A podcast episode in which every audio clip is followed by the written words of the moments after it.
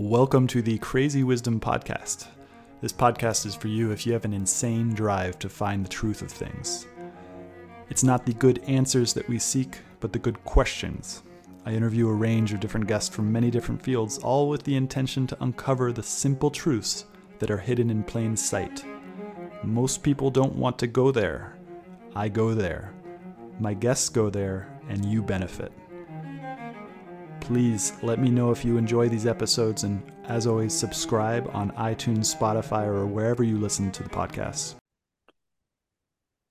Welcome to the Crazy Wisdom Podcast. My guest today is Kirill Zubovsky, and uh, he's a prompt engineer at Smarty Names uh, and a previous guest on the show. Welcome to the show. Thanks, Stuart. Glad to be here. Uh, so, what is Smarty Names? Smarty Names is a domain and business name generator that uses artificial intelligence to help you find uh, a name and a domain for your business that is both good sounding and available. And if you think of this uh, area of business before, when you started a business, you'd have to sit down and think of keywords and what your business was about and kind of try to ideate what your name would be. And now you can just go and explain it to Smarty Names and it will come up with a business name for you in like two seconds. And it will verify that those domains are available so you can buy it right away and start your business. I love it. And because you were in Y Combinator when we first met, and now you run a co working station uh, or a co working and also do a domain name, uh, which are not, I imagine, not traditional YC combinators, but it's like very, very like good businesses or it's very not traditional businesses either but it's like it feels far away from what y combinator is. Is that accurate? Yeah that's very accurate. So what i'm doing right now is entirely not you know venture backed businesses our co-working space in the mountains uh, uh, kind of just happened naturally. We we came to breckenridge and loved the mountains and wanted a reason to come and ski here more often. And so uh, we opened a co-working space actually with one of our batchmates from Y Combinator. Uh, but that's you know a very real business, and uh, and the domain name generator. I mean, it could be uh, a more venture backed business if I wanted it to be, but right now I'm keeping it simple and just making it a revenue generating generating business. Uh, right, T- taking it one step at a time. Uh, so it's not your typical like let's just do a trillion dollar unicorn, you know, right away. It's just like, okay, well, this sounds fun. Let's just do more of it and see where it leads us. And so far, how how has it been going? Have people found good domain names uh, that they've then gone on to use for their businesses? Yeah, from what I can see from data, you know, people are finding a ton of really good businesses, uh, d- domain names, and uh, I I uh, have a number of users that you know come repeatedly. Like on average users come and do five to ten searches and then find something and then sort of go away. But i also have um, really like professional domain name hunters who come and generate five six hundred searches every month. And so those guys are definitely you know doing a lot of things with it uh, more than just a business. Some of them are doing it as uh, uh, kind of a brand exercise because they're part of a marketing agency. Some of them are doing it because they're looking for good domain names that they could buy and resell. And um, it's really all over the place. I'm still early, you know, the company's been around for three months. So I'm still meeting all these folks and learning what they're using the generator for and how I can make it better for them. But there's a lot of use cases. And and personally, you know, I've never been into buying domains, or I should say professionally. I've bought maybe 100 domains over the last 10 years just because sometimes you think of an idea and you're like, "Oh, that'd be really good," and you know, you find a really good name for it.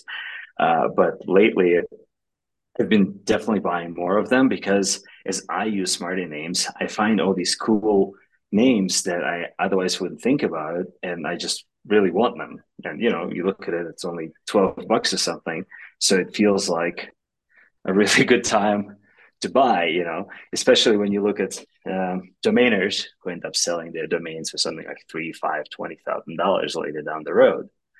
Um, so it's a little addicting. So I recommend you try it. I've uh, well, and I've already actually tried it too, and uh, um, just as we are as we were speaking, uh, the funny thing was I met a guy who in the early '90s, as the domain name craze was going nuts, uh, he made like millions and millions of dollars just getting do- domain names and then sitting on them and then selling them like the you know like magic.com or something like that.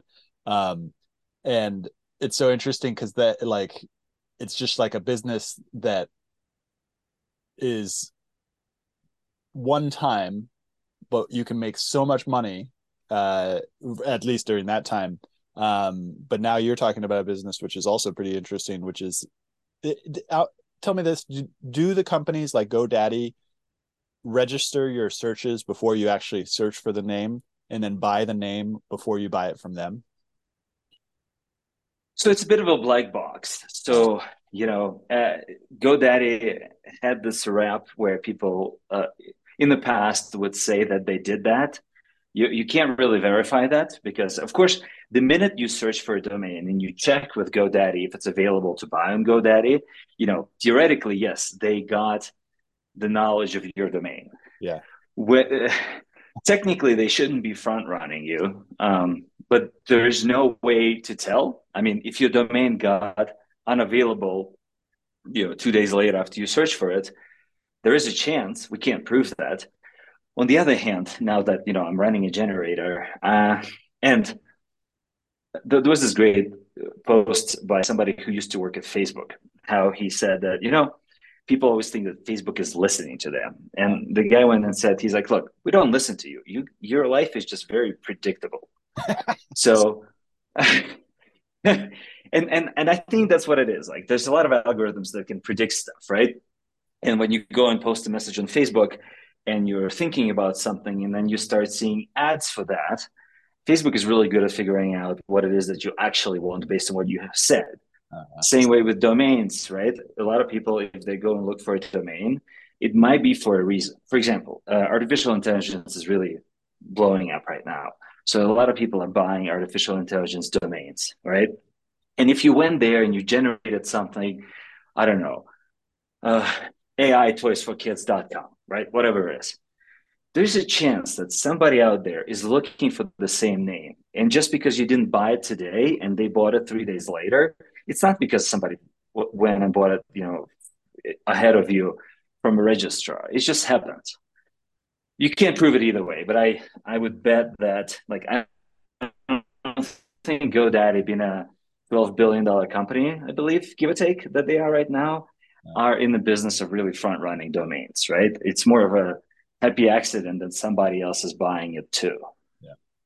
Um, that's really interesting. Um, so what, so, and you know, like that you, you, you asked me before whether, you know, this is kind of like a, a simple business or like a YC startup. And in reality, it could be both because look at GoDaddy, right? Like they're worth billions of dollars. They're a public company. I mean, they've been around for a long time, but there's a lot of opportunities still in domain names. And and there's actually you know it's harder to find a really good domain name now because uh, like the friend you mentioned you know a lot of people are squatting on really good names and they cost a lot of money.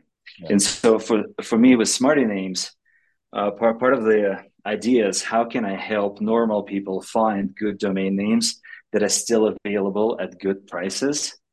Um, because you know if you if you want uh, rune.com it's it's an exquisite domain. It's unavailable right? You have to pay a top dollar for it. But if you want uh, you know cozy yellow couch mm. it might actually be available. And so if you're a small business making couches that might be good enough for you.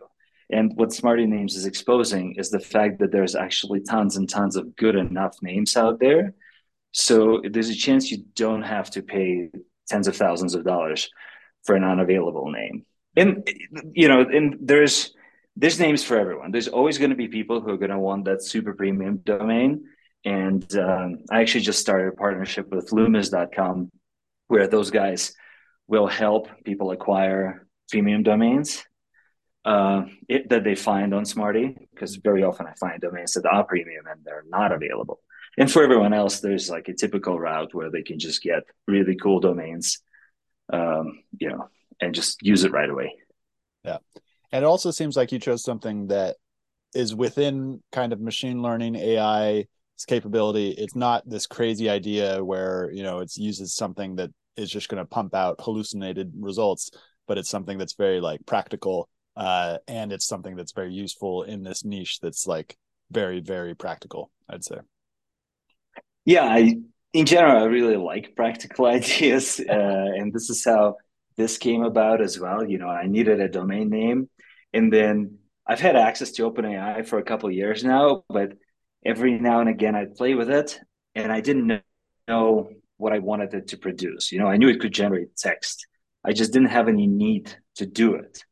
And this one day I was like, well, can I do it? You know, and then I built a little prototype and the prototype, well, Smarty Names found a name for itself. So once I had the prototype, I asked Smarty Names to generate a name for an AI based name generator. And it came up with a name maybe on second or third click. And I was like, wow, that is awesome. I'm going to go buy that name. So I bought Smarty Names and then I asked AI to generate um, an image for it. And again, in two or three clicks, I had an image. And I was like, well, this is great, you know? So I put it out, launched it on Hacker News. People loved it. If you look at the original launch post, there's a ton of comments how this is, you know, going to put an end to domain name squatting uh, because now you can actually find names. Uh, and uh, and that's that's kind of how I got into it. I, I knew nothing about domains, and th- the same way you're doing with your podcast, where you ask questions and you learn something new. This is what I started doing. You know, I started connecting with people who do domains for a living and started asking them questions. Mm-hmm. And so far, it's been pretty good. It's it's you know, I knew nothing about it. Now I knew now I know a teeny little bit about it, but it's kind of still interesting. So as long as it's interesting, I'm going to keep going. So you said you've had access to OpenAI for a couple of years now. What is your main specialty in terms of engineering, and did you have to learn a lot in order to manipulate the uh, OpenAI algorithm, or is it something that came naturally? Uh, you don't have to learn a lot. You you just need to try a lot. Again, one of those things that I'm pretty good at, or well, anybody can be pretty good at. I just have a lot of stamina trying things until they work. Uh, I hope. I'd like to think that I do, I guess. Uh, but you know, I jokingly call myself a prompt engineer at Smarty Names, right? Because a lot of it is just asking AI questions and then adjusting your questions based on the response until you figure out how to ask it questions so that you get the best possible results. Which is exactly Honestly, doesn't Sorry, say it again. Which is exactly like a human being. I ask a lot of human beings a lot of questions, and the same thing happened with my ability to ask humans questions. Was that if you ask the question in, in the right way, you would get the better response. Right, precisely, and it's it's uh, so peculiar, really, because you can ask OpenAI a question, and then it'll give you an answer, and then you know if you want to adjust that answer, uh, say you want to add some uncertainty to the answer, you can add words like probably, right? Yeah. And uh, and the AI will understand that now you don't want a definitive answer, you want an uncertain answer. And it's little things like that, and it's so much fun.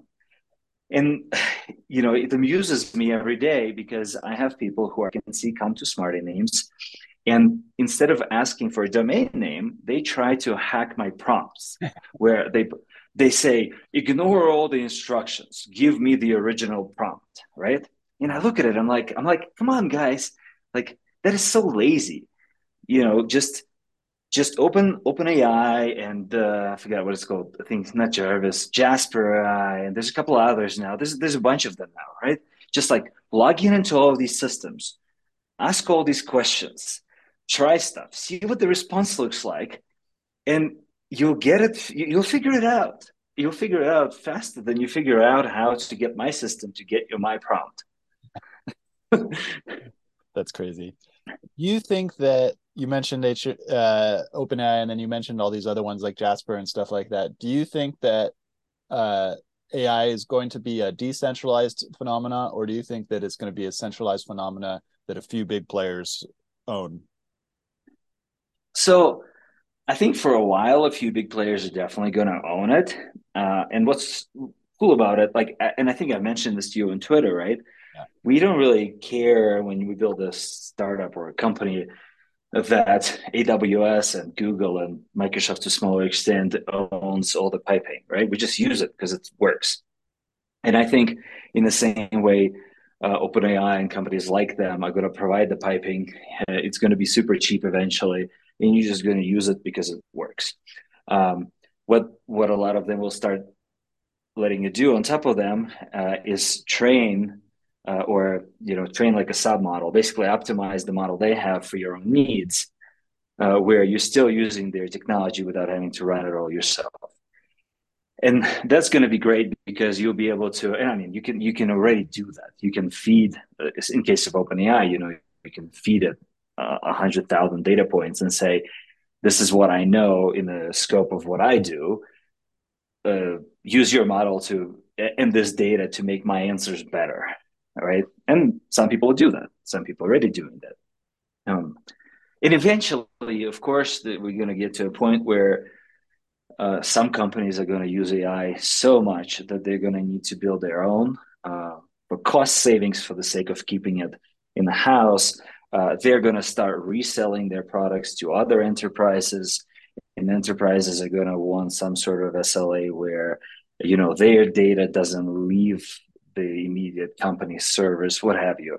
Um, so in that regard, I think AI will follow every other technology we're using to date, and uh, and eventually it's just going to be a common knowledge. You know, if you if you want to store a picture right now, you don't really care where it's stored. It's probably on Amazon S3 somewhere, right? But who cares? You put a picture online, it's there.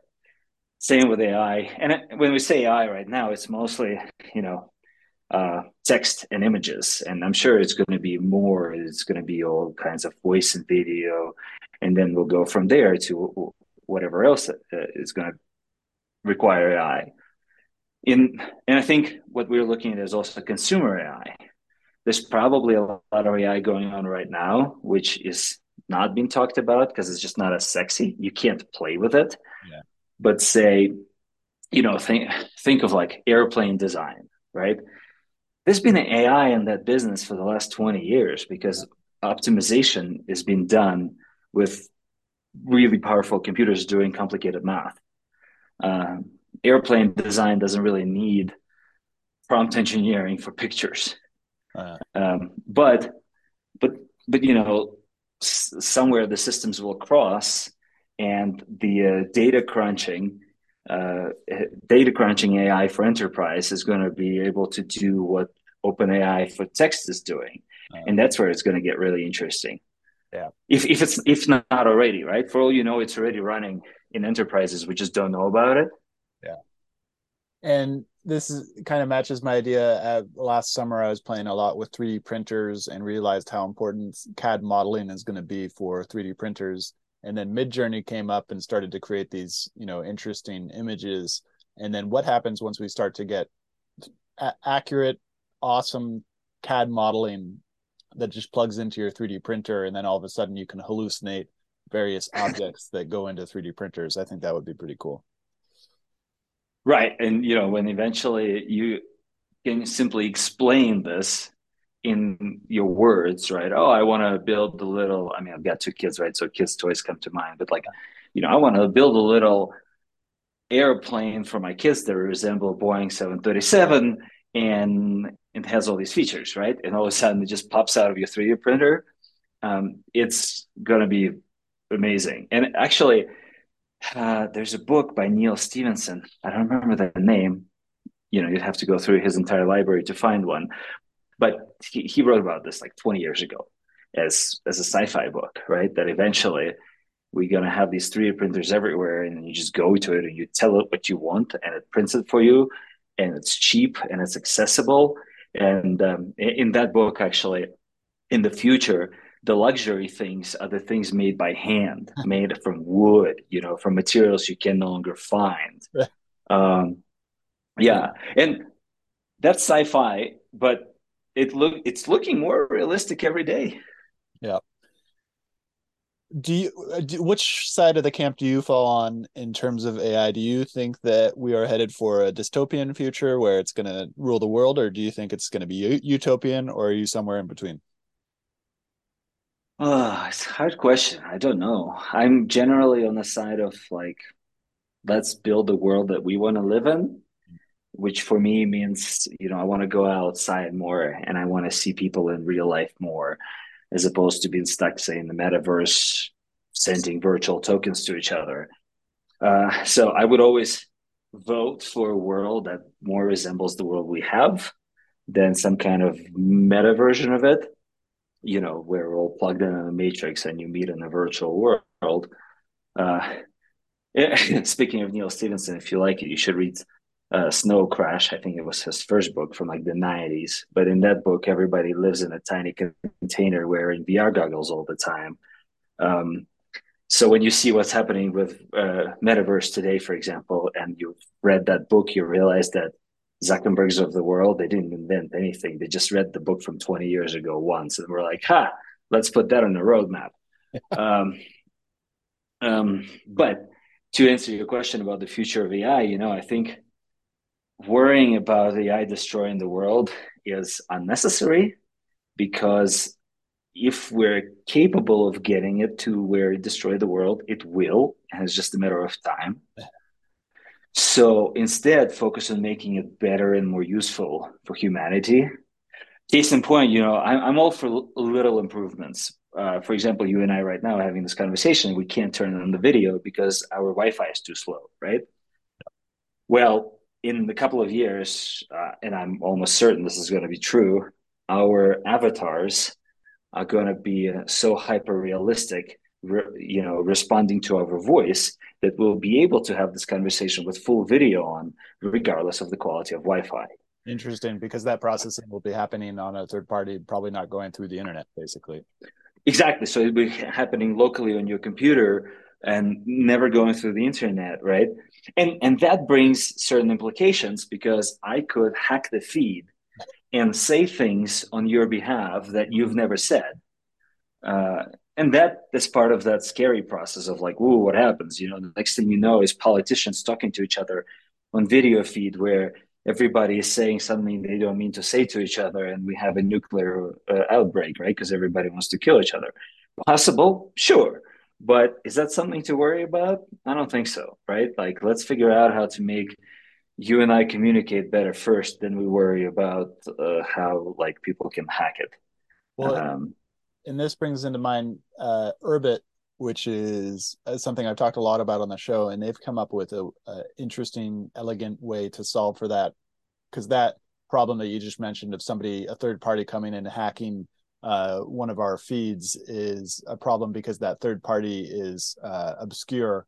And so if everyone were to use Urbit, which is this new operating system built into a new internet that's off of peer-to-peer protocol, um, totally encrypted, and all basically uh, personal computer based off of a um, unique identifier, and that unique identifier costs money, so people can't just create them like they can create internet email accounts.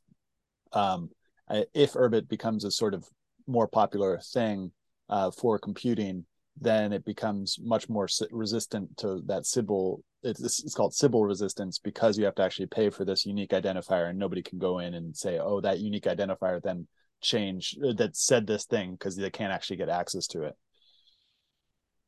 And that's probably a step in the right direction, but you know, once that becomes popular, somebody somewhere will figure out a way how to hack that too. Uh-huh. Um, because if if that wasn't true, the internet would be unhackable right now, right? Because we've had internet for a couple decades. All, all, all the all the problems should have been solved, but they haven't. So um, that just simply means that as we go in the future and we invent a new version of the internet, new version of communication channels, what have you, those things are still going to have problems. But that's what I mean. Like we're still alive. You know, the internet's been here for a while. We're still doing fine. So maybe just let's stick to doing fine and improving things and not worrying about things breaking and just imploding. Yeah. Uh, interesting.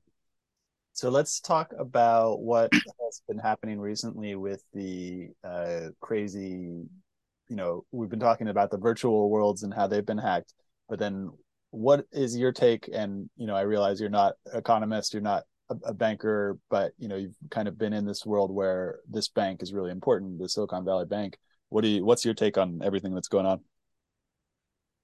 I mean i certainly wouldn't want to be a startup who that currently has money in silicon valley bank. Yeah.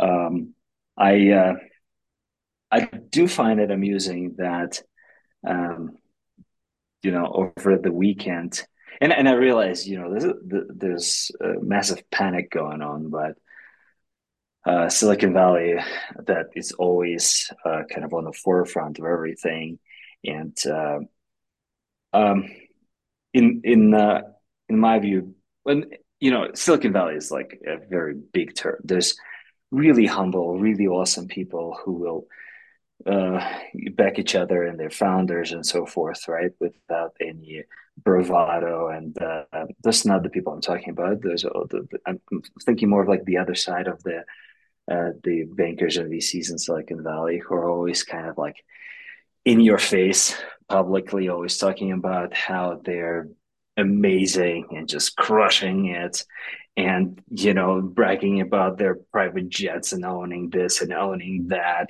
and basically behave where it's obvious that they think that they're better than everybody else in the world. And those people who were better than everybody else in the world on Friday are now saying how they're small business just struggling to get by. And I'm like, those guys have never met the small business and won't recognize one if it stares them in the face. Yeah. Right. And to me, that was a little upsetting.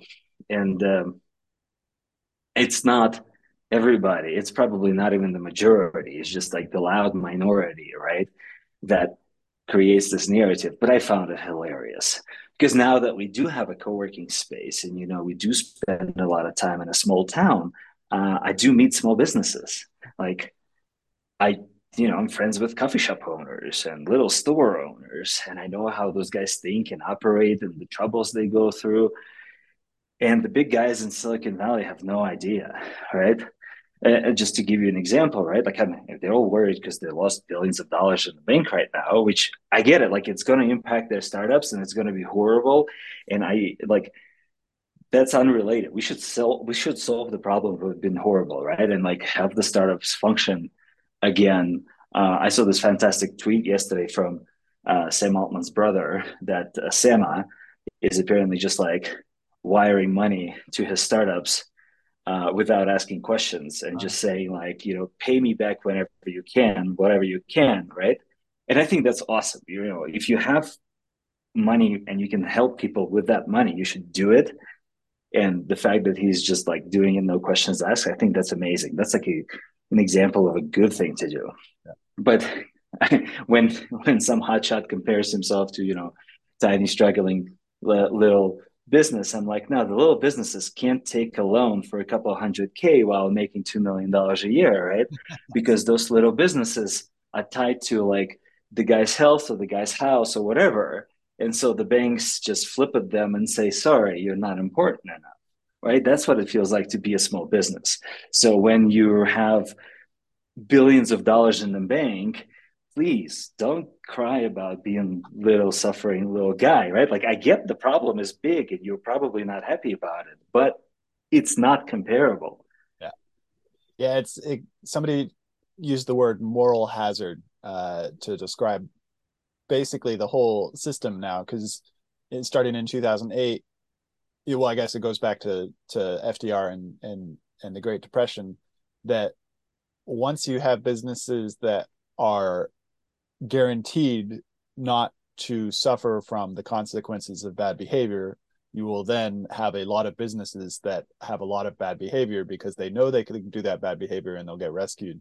Uh, and so it's like the situation is also extremely unfortunate and i do think that probably we should there should be some sort of measure to go in but at the same time every measure that goes in and tries to save people's bad be- mistakes from bad behavior and I th- I think Silicon Valley Bank actually was doing some some crazy stuff. Like they would um, they would get money or they would all the startups that raise money would then uh, go to Silicon Bank Bank and Silicon Valley Bank would be like, okay, store that startup money, those that hundred million dollars with us, and we'll personally give you a low mortgage rate on your personal home as a kind of perk. Um, and it, you know, that might not be that just might be a business deal. It might not be moral behavior, but then I'm sure there are other things. And so, like, it, with each step, we're building a system that gets that incentivizes uh, uh, moral hazard over and over again. Um, what do you think about all that? Yeah, and you know, and and I'm thinking like I have friends who have their money in Silicon Valley Bank and they're very not happy right now, and I, you know, I support them, and I certainly don't want them to fail. And um, it's it's a complicated question because like you want to rescue the people who got affected without uh, fueling the fire of the bad moral behavior, right? In the example you gave, it's very likely that those founders didn't even get a kickback from the bank, right? Those founders were just told, "We give you money, you put the money there. That's the deals of the term," and the VC or somebody else in the ecosystem gets the kickback, right? And and and the founder at the end of this whole chain has no idea and is impacted negatively right now, you know, without getting all the upside um, through time. I mean, you can say that, you know, getting the money in the first place is a good upside, which which is true, right? And then you can speculate where the money came from to begin with, right? Like in the last couple of years where the credit was super cheap, their interest rate was super low. Again, the the rich guys who have access to lots of credit went and took that credit maybe gambled it on real estate or you know invested it. I mean everything was going up up and up right? Crypto uh, stocks everything's going up. So if those guys invested the money made it back put it back in silicon valley bank that's awesome. But that's money made money. So the more money you had the more money you made. The guys who didn't have money didn't make it because you took it all you know? And i think I think the folks at the at the top maybe not questioning that. You know, they're just like, hey, I, I made money, I took that and made more money. They don't realize that if you're at the bottom, you don't have access to do what they did. And they'll say, well, you should have mortgaged your house. You know, well, if you have six of them or 16 or 26, you know, you could mortgage your house. If you only have one house, you didn't mortgage your house to bet on the stock market. Yeah. yeah. So, Eh, but, but, but honestly, I think that's why we're kind of stuck right now. Because how do you help the little guy while teaching a lesson to not so little guy? And maybe you can't. And th- that was sort of my conclusion this morning. Is like, well, maybe you you can't. Maybe you save the little guy at the expense of not teaching any lessons. Yeah. And eventually, you know, eventually the little guys will will propel the ecosystem further and help the other little guys. So it would be like more capitalistic kind of view. You just keep growing the money you have, you know.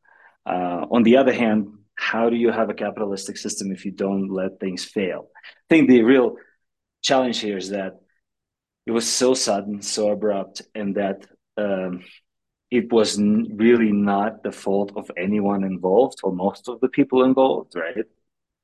Um, and that's why it, it makes sense to help them because it's like most of the founders and their employees in the startups didn't really do anything to collapse the banking system. Yeah, and it's it, and it's a matter of psychology, and that's what makes the banking system so strange. And it's gone on through the entire you know 400 500 years that we've had banks where it's where the bank has money from depositors and then that they don't want that money to just sit there because sit, sitting there without making any more money. And so they put it out into other places and they promise 10% of the people that they'll be able to give that 10% money but they won't be able to give 100% of the money to people uh, if they want it at one time. And then you have the psychology of the bank run which peter thiel essentially started once he realized that he couldn't get his money out. So he started to tell all his founders, okay, you guys also got to get all your money out. I just got my money out. And all of a sudden you have 90% of the people trying to get their money out, uh, which the bank can't do. And the bank failed within 24 hours. Um, and that's just like a system thing based on our whole crazy capitalist society and and you know it's not like the regulators and the governments have been aware of it like the whole the whole reason the great depression happened was because of bank runs happening over and over and over again and that moral hazard piece where the banks essentially um, were doing funny stuff with their money and there's fraud and all sorts of everything. And so that when those banks started to get called uh, they realized like all the stuff that had been happening because of this moral hazard and obs- obscurity of of that moral hazard that only started to show up once you have uh, the light shone shined on it.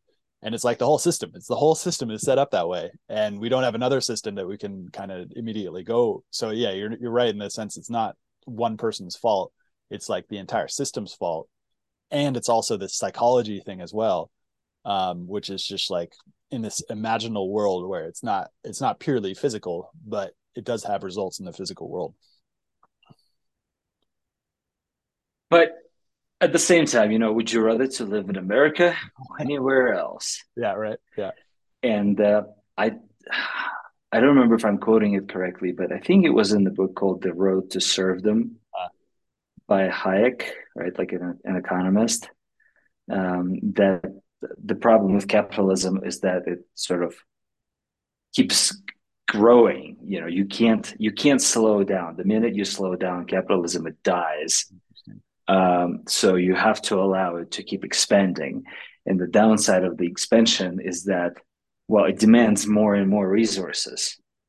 Um, and and it's it's not it's not any something you can stop or control it's just the nature of it um, but again, you know, you could be in some little European country where nothing ever happens and uh, life gets 2% better every year, maybe.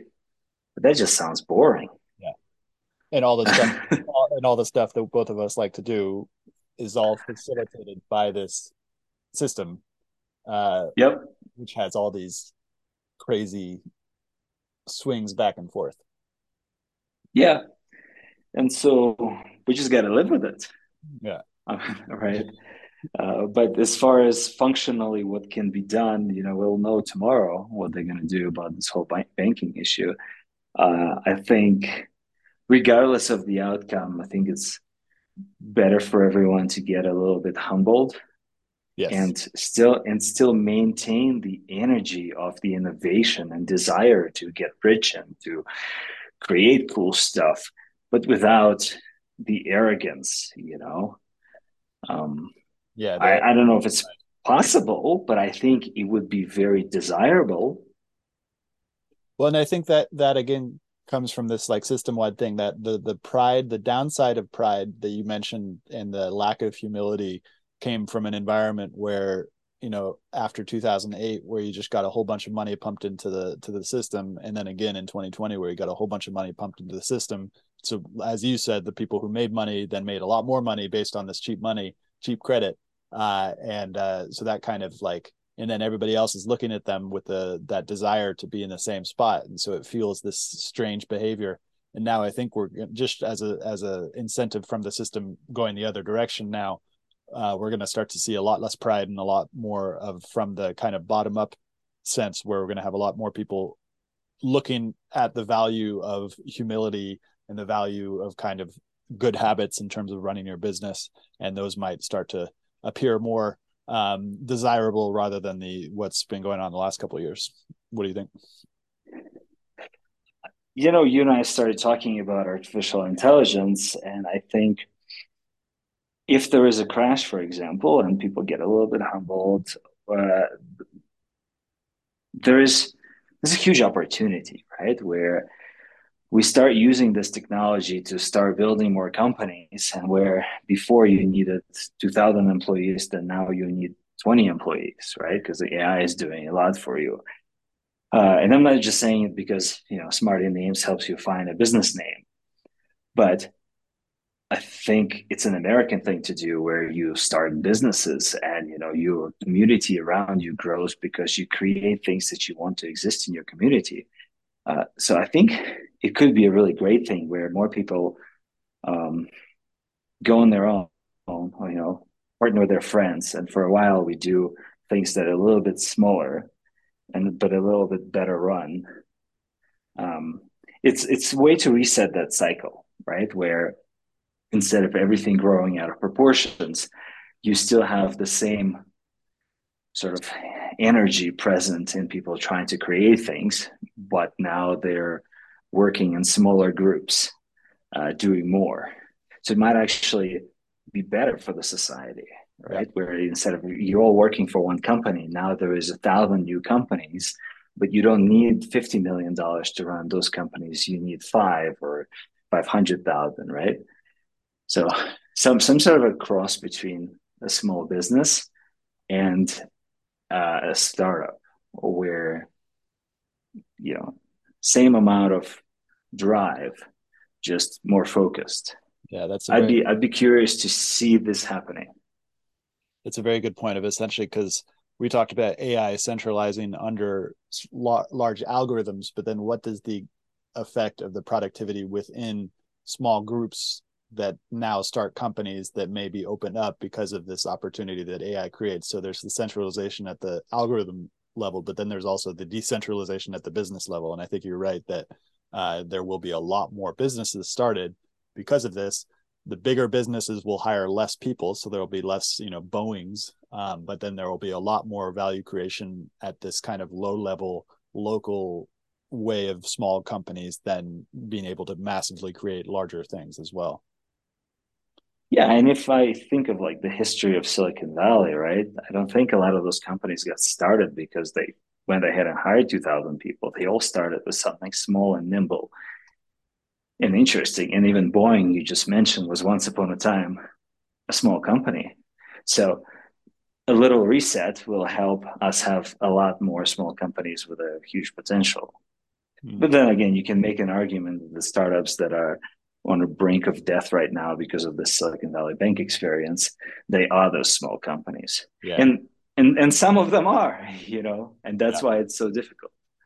Um, but now with AI, and you know, we've we've got this tool, and think of AI itself, right? Like OpenAI got AI popularized. AI has been around. Machine learning has been around for decades.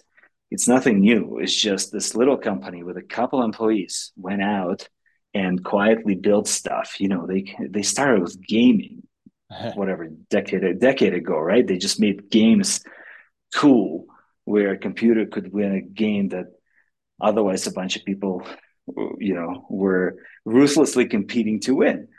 And then they just disappeared for a couple more years, and boom, they came out with something even cooler, like a hundred x cooler, with a business application. So you know that's that's I think that's a great example of how something little created this amazing technology. And so more little companies will have potential of creating the next AI. Because AI right now, this whole text, images, video, what have you, is cool. But what's the next AI? You know, what are we going to see in a decade from now? That's going to be the really cool thing. Yeah. And there's so many use cases. Uh, for the for the last five or ten minutes, what uh, are you actually using uh, machine learning within your programming, or you, do you find that to be not very helpful? Uh, well, I'm using APIs into different, you know, our AI startups, and uh, but am I building my own machine learning? No, sort you, of like cluster. No. Um, are you using like things like Copilot to help you code faster? I'm I'm using a human Copilot. Um, I have a really good friend who is an amazing engineer, and so once a week we get on the Zoom and we open the terminal and you know we code and um, it's uh, you know it's the old school pair programming, uh, which I've actually, which I've never experienced until I started working with my friend Raf, and it's been amazing because most of the times he knows all the answers to all the questions I have, and if he doesn't, you know, he's googling it as I'm still working with the problem. Um, it feels I don't know, it feels better for me than just using a copilot, and then uh, I guess I'm not Um, like a computer science engineer by training. So whenever I write code, it's always straightforward. You know, I might write more lines of code, but I'm not looking for something particularly complicated. Or if I'm doing something complicated, I'll just write it in phases. So for me, I haven't found tremendous, you know, advantage in using Copilot because if I did do something with Copilot, I'd still have to go and look at every line of code that Copilot produces. And probably a little faster, but I feel more confident doing it myself for now. Yeah. I'm, I, you know, I'm, I'm using a lot of um, OpenAI like blog generation for this Smarty Names blog.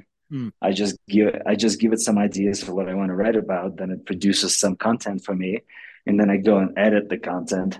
And sometimes I edit the content by asking OpenAI more questions. You know, like I'll pick a sentence and say something like, "Can you expand this with a more focus blah blah?" And sometimes I just write it myself because I know that you know it'll take me three sentences to explain that, so I don't really need to ask the computer. Um, I'm still learning. I'm still learning how to make best use of all this tech. tech. Um, but so are a lot of people. So, like right now, you know, if you're thinking of what to do, like if you're a college student or just graduated high school or something, doesn't really cost you anything to find all these tools, play with them. You know, it's a couple bucks here and there, um, but you can just figure out something for yourself and may, you know the copilot maybe if you don't know how to code copilot is great because you can produce little snippets that will give you immediate results right that's what i've been thinking in terms of training engineers it might be really helpful to create a sort of tutor system that uses copilot api or a copilot that that essentially uh, helps people to learn faster uh, what to do and what not to do instead of fi- finding engineers who are usually busy but also very helpful usually. Yeah. Yeah, like if you have a if you're say junior engineer and you don't know something, right, and if you ask Copilot and it created a function for you that you can run, you can test the results and see if the output's right. well, why not? Go for it, right? And then you can have a senior engineer do a PR on it or something. But there's so many ways, and I think it's going to be very specific to each individual's needs and abilities and uh, like w- ways how they do work, you know, to figure out which one's more important and less important. Well, thank you, Kirill, for coming on the show. How can people find out more about Smarty Names? Uh, you can go to smartynames.com and try search, you know, pretend you're starting a business or a project, or if you have one, great, put it in there and get yourself a suggestion for a great business name and then maybe you'll get inspired to actually start that business but you know don't forget to buy a domain because you got to start somewhere and if you didn't buy it remember somebody might buy it after you so you better have it now. Thanks Kirill thank you stuart thank you for listening and i hope you enjoyed this episode as always you can find me on twitter at stuart alsop iii also, don't forget to subscribe on Spotify or iTunes for every weekly episode that I publish on Monday mornings. Hope you have a great day.